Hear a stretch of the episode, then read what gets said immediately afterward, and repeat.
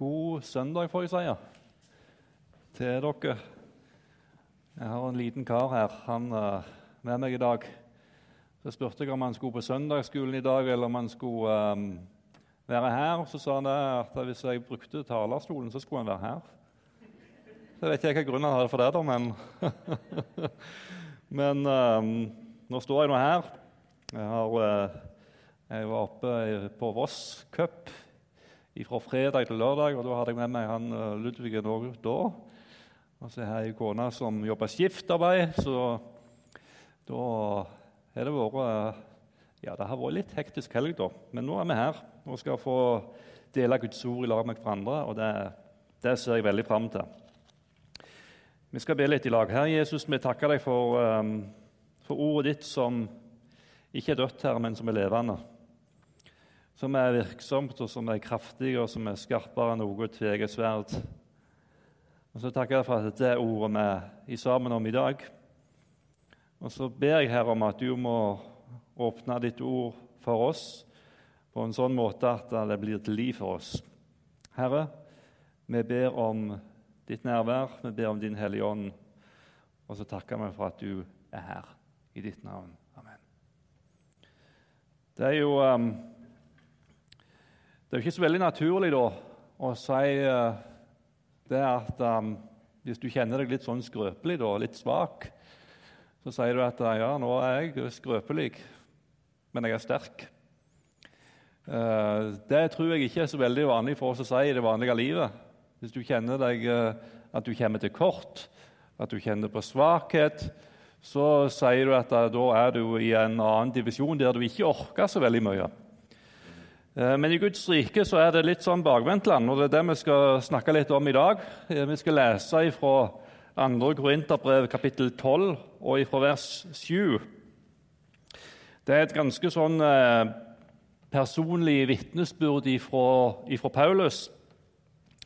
Og Der leser vi for at jeg ikke skal bli håndmodig på grunn av de høye åpenbaringene, har jeg fått en torn i kroppen en Satans engel som skal slå meg for at jeg ikke skal bli håndmodig. Tre ganger ba jeg Herren om at den måtte bli tatt fra meg. Men han svarte, 'Min nåde er nok for deg, for kraften fullendes i svakhet.' Derfor vil jeg helst være stolt av mine svakheter for at Kristi kraft kan ta bolig i meg. Og Derfor er jeg fullt av glede når jeg for Kristi skyld er svak, blir mishandlet, er i nød, i forfølgelser og i angst. For når jeg er svak, da er jeg sterk. Eh, dette er en av eh, de tekstene fra Bibelen det er blitt spekulert mye omkring. Apostelen Paulus, lederen, misjonæren, pioneren, læreren. Han var jo mange ting, Paulus.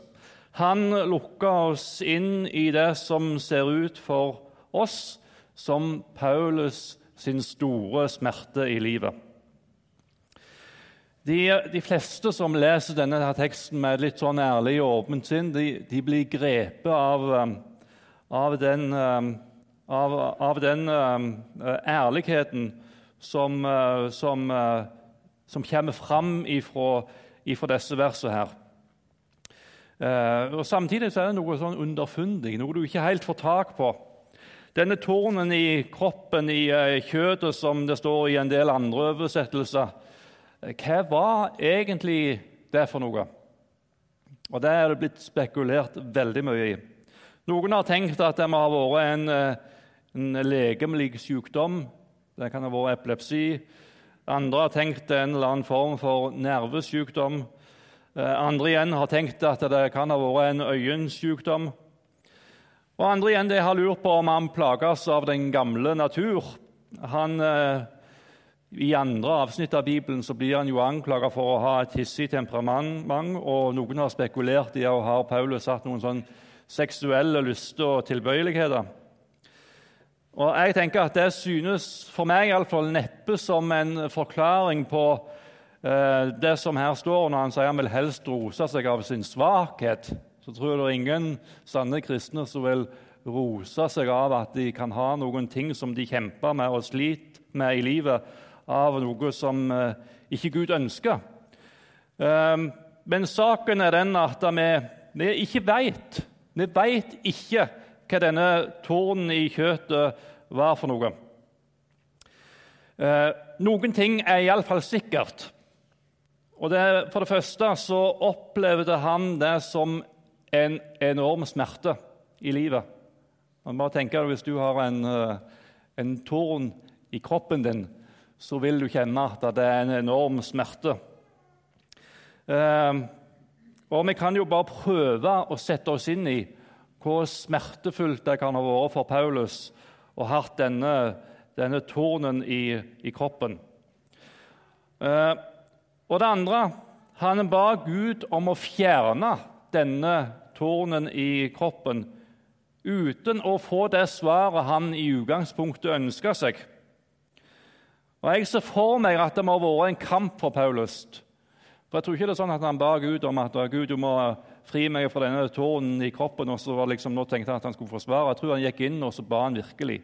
Inntrengende Gud om at Gud, du må fri meg ifra denne tårnen i kroppen. Og kanskje var det noe som han kjente som var en hindring for at Gud virkelig kunne få sin plan og sin vilje med, med hans liv. Så ba han først én gang, og så gikk han og venta. Og så venta han, og så fikk han ikke noe svar. Og så ba han en gang til. Gud, du må fri meg ifra denne tårnen i kroppen. Du må fri meg ifra denne lidelsen. Den hindrer meg i å tjene deg på den måten som jeg så gjerne skulle ønske at jeg kunne gjøre. Ifra himmelen så var det taust. Han fikk ikke noe svar. Og så ba han en tredje gang. Gud, fri meg ifra denne tornen i kroppen. Og så fikk han ikke det svaret han ønska seg. Men han fikk det svaret 'Min nåde er nok for deg, for kraften fullendes i, i svakhet'. Um, og Det er utallige mennesker som har lest uh, disse, dette personlige vitnesbyrdet fra Paulus, og som har fått hjelp inn i deres egne personlige liv med Gud. Og Nå skal jeg lese et, et, uh, sitat som har eh, hatt veldig stor betydning for meg. Um, og Det er fra ei bok som heter 'Veiviser', som er skrevet av Magnus Malm. Og Hvis du ikke har uh, lest den, så vil jeg gjerne anbefale at du leser den boka. Men han sier det Vi tror alltid det bare er vår framgang som kan være til hjelp for andre. Og siden den er så ubetydelig, tier vi heller. Men det er jo nettopp på våre svake punkter vi virkelig kan møte hverandre, og sammen kan få se en ny virkelighet vokse frem. Prøver å bygge opp et åndelig lederskap eller et kristen fellesskap på styrke og framgang, vil det bare føre til undertrykkelse og nederlag og vi møtes på bristepunktet, føder liv, helbredelse og fellesskap. Og i disse versene her fra 2. Korinterbrev kapittel 12 så møter vi Paulus på bristepunktet. En torn i kjøttet, en lidelse i livet som han ikke ble kvitt. Og Det er et par myter som, eh, som denne teksten her slår i hæl. Den ene myten er, at kristne i ledende posisjoner de er alltid på høyden. Og Det slår denne teksten her i hæl med full tyngde. Det er vel ingen pers annen person i hele den kristne kirke sin historie som har hatt en så framskutt posisjon som det Paulus hadde. Og Vi får i disse versene innblikk i en kamp som viste at selv Paulus, med alt det han fikk utretta Han var ikke alltid på høyden. Og Det var ikke bare en enkel bønn, og så var det gjort med det. Og Det var bønn på bønn uten at han fikk det svaret han hadde bestilt. Vi møter en Paulus som ikke var på høyden. Han var åpen og personlig uten å være privat, og det tror vi absolutt kan ha noe å lære. og jeg tror vi, vi skal få lov til å være personlige, vi skal få lov til å dele fra våre liv med hverandre. Og Av og til skal vi få lukka mennesket inn i, inn i det innerste av våre liv på tomannshånd, der vi kan virkelig få lov til å være til hjelp for hverandre. Og Så innrømte han svakheten som han kjente på i sitt eget liv. Han viste sårbarheten i sitt eget liv. Og det for hele den kristne kirkes historie som vi har vært ettertida. Så får vi innblikk i sårbarheten i, eh, i, Paulus sitt liv. Så kristne i ledende posisjoner de er ikke alltid på høyden. Den andre myten som denne teksten slår i hæl, det er at jeg må være sterk, jeg må være kvitt alle problem før Gud kan få bruke meg. Svakhet blir ofte sett på som en hindring for Guds verk i vår liv. Og Det er jo naturlig å tenke nettopp sånn. Eh, skal du være lærer, så må du være dyktig til lærer. Skal du være øyelegger, så må du være, kunne ditt fag. Men når det kommer til det å tjene Jesus, så er det ingen myte eller løgn som eh, er nettopp dette at du må være sterk for at Gud kan bruke deg. Det er en løgn som denne teksten viser med all tydelighet. Du trenger ikke være sterk. Du trenger ikke være kvitt alle problemer før at Gud kan bruke deg. Svakhet er ikke en hindring for at Guds verk kan skje gjennom våre liv. Gud har aldri spurt etter styrke. Gud spør ikke etter det engang. Men det han ser etter, han ser etter mennesket som hans kraft kan få lov til å fullende seg igjennom. I Paulus' sitt liv så fant han en kanal for sin kraft som gjorde at han fikk betydning for andre mennesker. Paulus kunne ikke tingene sjøl. Han trong alltid for Gud. Og Gud ser etter mennesket som eh, han kan få lov til å fullende sitt verk igjennom. Det Paulus mente hør på denne setningen her. Det Paulus mente, var en hindring for Guds verk. Det var det Gud brukte for å vise Paulus at han var helt og fullt avhengig av Kristi kraft. Det ble hans, eh, hans uh, hemmelighet i livet at der han kjente at han var sterk, der fikk Gud komme med sin kraft og fullende seg gjennom hans skrøpelighet. At Gud virkelig kunne få lov til å være det for han som han ønsket å være.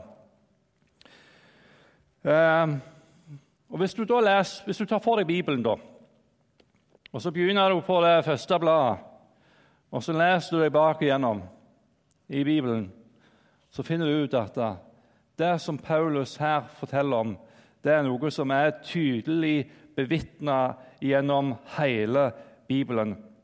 Mennesket Gud brukte i ledende posisjoner, var mennesker som på ulike måter hadde svakheter. Og Gud brukte mennesker som ikke var kvitt alle problemer i livet. Svakheten var ikke en hindring for at Guds verk fikk skje gjennom deres liv. Jeg syns jeg ser så stor nåde gjennom hele Bibelen. Bare tenk på Moses, som vi leser om. En gammel, vrang mann som sto der og protesterte når Gud ville ha han inn på et spor og lede folket ut fra fangenskapet i Egypt. Ehm, men Gud møtte han. Gud viste sin nåde over han. Og Det som han opplevde som en svakhet og som en hindring for at Guds verk kunne få skje gjennom hans liv, det var kanskje nettopp det som gjorde at han ble avhengig av Gud. Og Du leser gjentatte ganger når du leser gjennom Moses sin vandring i lag med Israels folk, hva som skjedde? Jo, når han sto overfor det umulige, så ropte han på Gud. Når han sto der og folket på ene sida sto der og klaga. Og så sto han der som en sånn mellommann mellom Gud og israelsfolket. Så klaga de, så ropte han til Gud, og så ga Gud han svar. Og så fikk Guds kraft lov til å fullende seg gjennom hans skrøpelighet og hans svakhet. Jeremia, en uh, ung jypling som ikke forsto seg på å tale. Guds kraft den fikk lov til å fullende seg gjennom Jeremia sitt liv. Hurdene på Betlehemsmarka var jo ikke akkurat noen i ledende posisjoner. Men der viser Gud med all tydelighet at hans kraft fullender seg gjennom skrøpelighet. Hurda det var ikke akkurat det som var eh, veldig anerkjent på den tida. Det var det laveste du kunne komme på rangstigen i forhold til å kunne ha et yrke. Var du en hyrde, så hadde du faktisk heller ikke mulighet til å vitne i rettssaker. Men det var de som fikk høre budskapet fra himmelen først om at i dag er det født dere en frelser.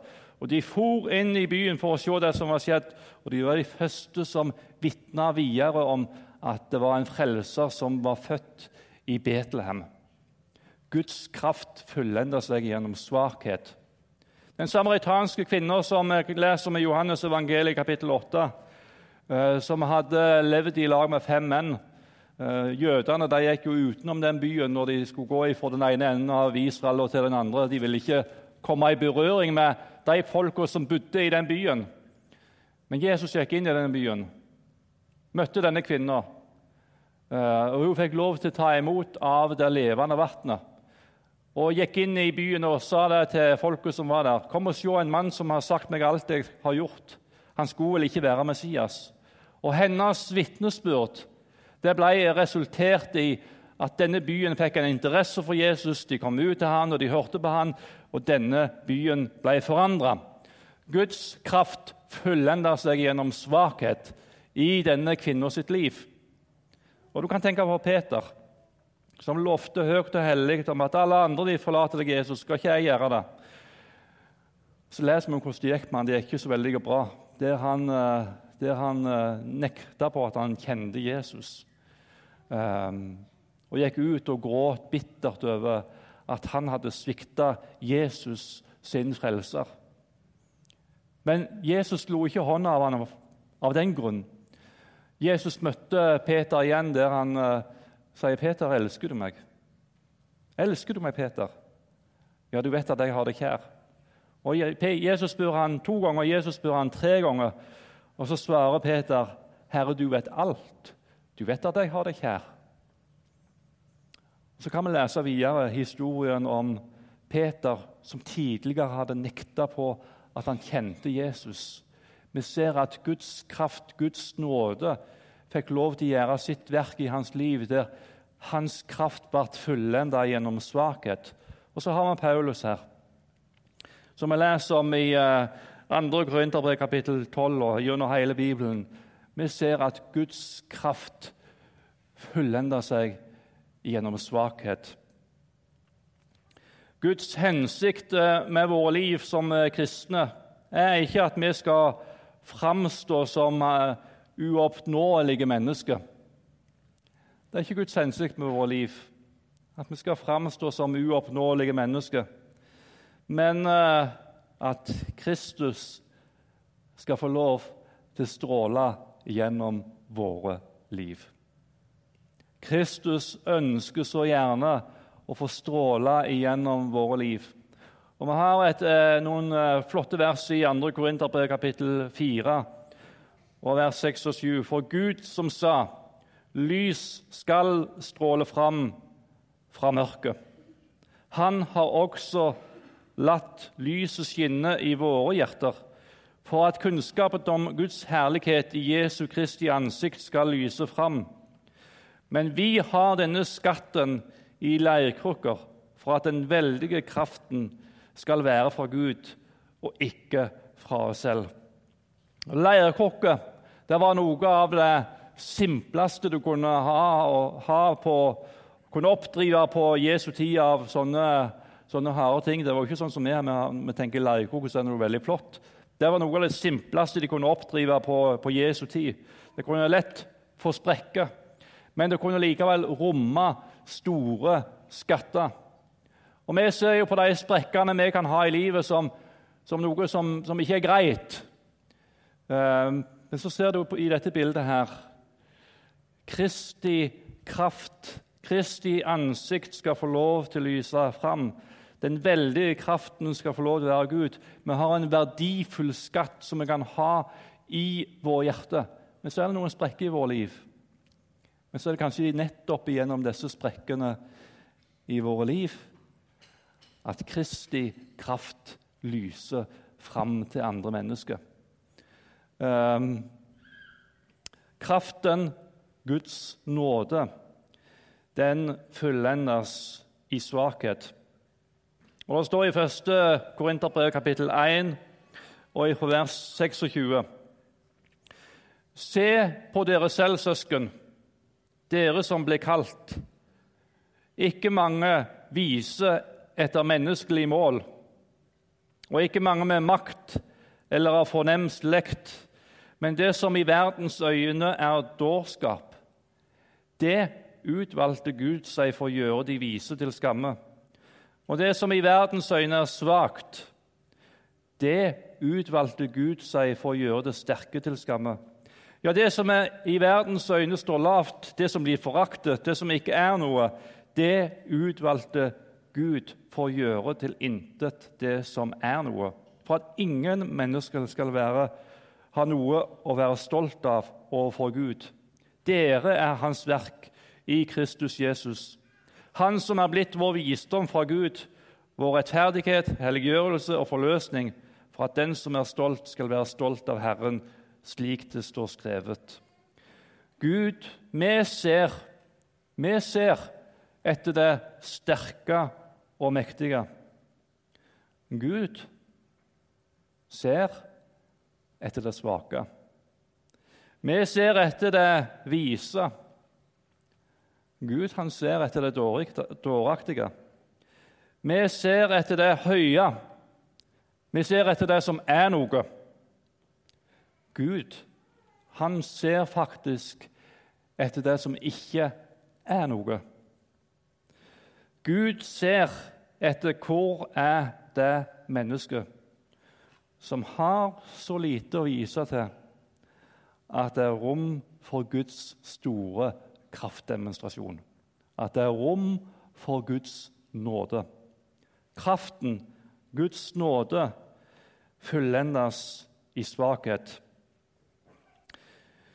Ehm, jeg tror vi ofte kan være opptatt av å ære mennesket. Og Det tror jeg absolutt vi skal få lov til å gjøre. Jeg synes det var veldig flott å få lov til å ære uh, Atle og Gunnelin her i dag. Få lov til å takke dem for den innsatsen uh, de gjør. Um, men, men, sannheten er at bak vårt møte med mennesket, som får bety noe for oss, så står det en Gud som har forma disse menneskene sånn at de faktisk får bety noe veldig verdifullt inn i våre egne liv. Så til sjuende og sist så er det Gud som skal ha æren. Det er Gud som skal ha takken. For det er Guds nåde som får lov til å gjøre sitt verk i vårt liv på en sånn måte at vi kan få bety noe for andre mennesker, som gjør at andre mennesker får møte Jesus gjennom oss. Og Så er det Guds store mål da, for oss at Han skal bli æra gjennom våre liv at hans navn skal bli stort. For når alt kommer til alt, så er det kun det som står igjen. Det er kun det som består, og det er Guds store nåde. Jeg vet ikke helt um, hvor, uh, hvor uh, du befinner deg i livet. Vi skal avslutte med oss å snakke litt om det svaret som Paulus fikk for han fikk jo et, et svar. Min nåde er nok for deg, for min kraft, for kraften fullendes i skrøpelighet. Eller så det står i en, eh, en annen oversettelse Ehm, min nåde er nok for deg, for min kraft fullendes i skrøpelighet. Nå vet ikke jeg hva som er ditt livs kamp, hva som er din tårn i kjøttet, som du kjenner som en, eh, som en smerte. Og så tenker du som så Hadde jeg bare vært kvitt dette, hadde jeg bare vært kvitt dette, hadde jeg bare vært kvitt dette så skulle jeg få ha fortjent Gud på en mye bedre måte med mitt liv. Og så er du ikke kvitt det. Og så bærer du på det fremdeles. Og så har du kanskje sånn som Paulus bedt gang på gang uh, om at uh, Gud, du må fri meg fra dette. Du må fri meg fra det som plager meg, for det hindrer meg i å tjene deg på en sånn måte som jeg skulle ønske jeg kunne gjøre og så får du ikke noe svar. Eh, jeg har lyst til å si at Gud ønsker å komme inn på alle livets områder. Der vi kjenner oss såra, der, der, vi kjenner oss slått til jorda, på våre svakeste punkter, i vår smerte, i vår nød, så ønsker han å komme til. Og Vi kan ha vanskeligheter med å slippe Han til med hele sin fylde og si, 'Gud, her er jeg.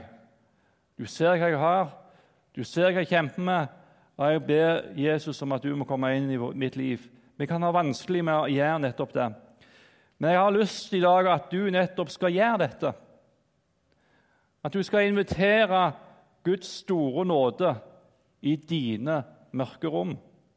Der du kjenner deg sårest, der du kjenner deg svakest, der du kjenner på mørket, der du kjenner på smerte. At du skal få lov til å lukke Guds store nåde inn i ditt liv. Si til Han akkurat sånn som det er.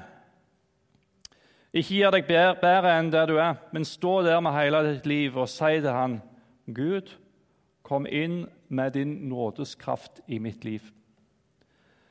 Og Det er ikke sikkert at du blir kvitt det som plager deg.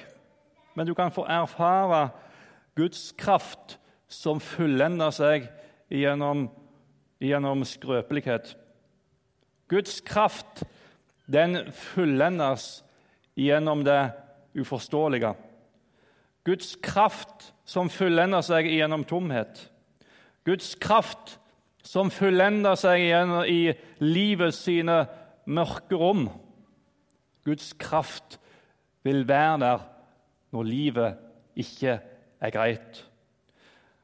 Selv om det fremdeles stormer, selv om det kan være, fremdeles kan være mørke skygger innover livet ditt, selv om du fremdeles kjenner på svakhet, så vil ja, kanskje nettopp der vil Kristi kraft bo.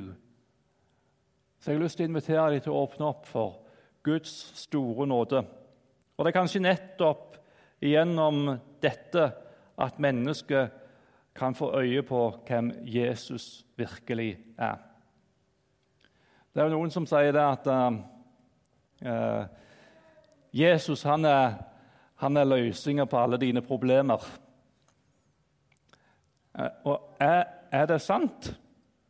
Er det sant at Jesus han er løsninga på alle våre problemer, eller at Jesus han løser alle våre problemer?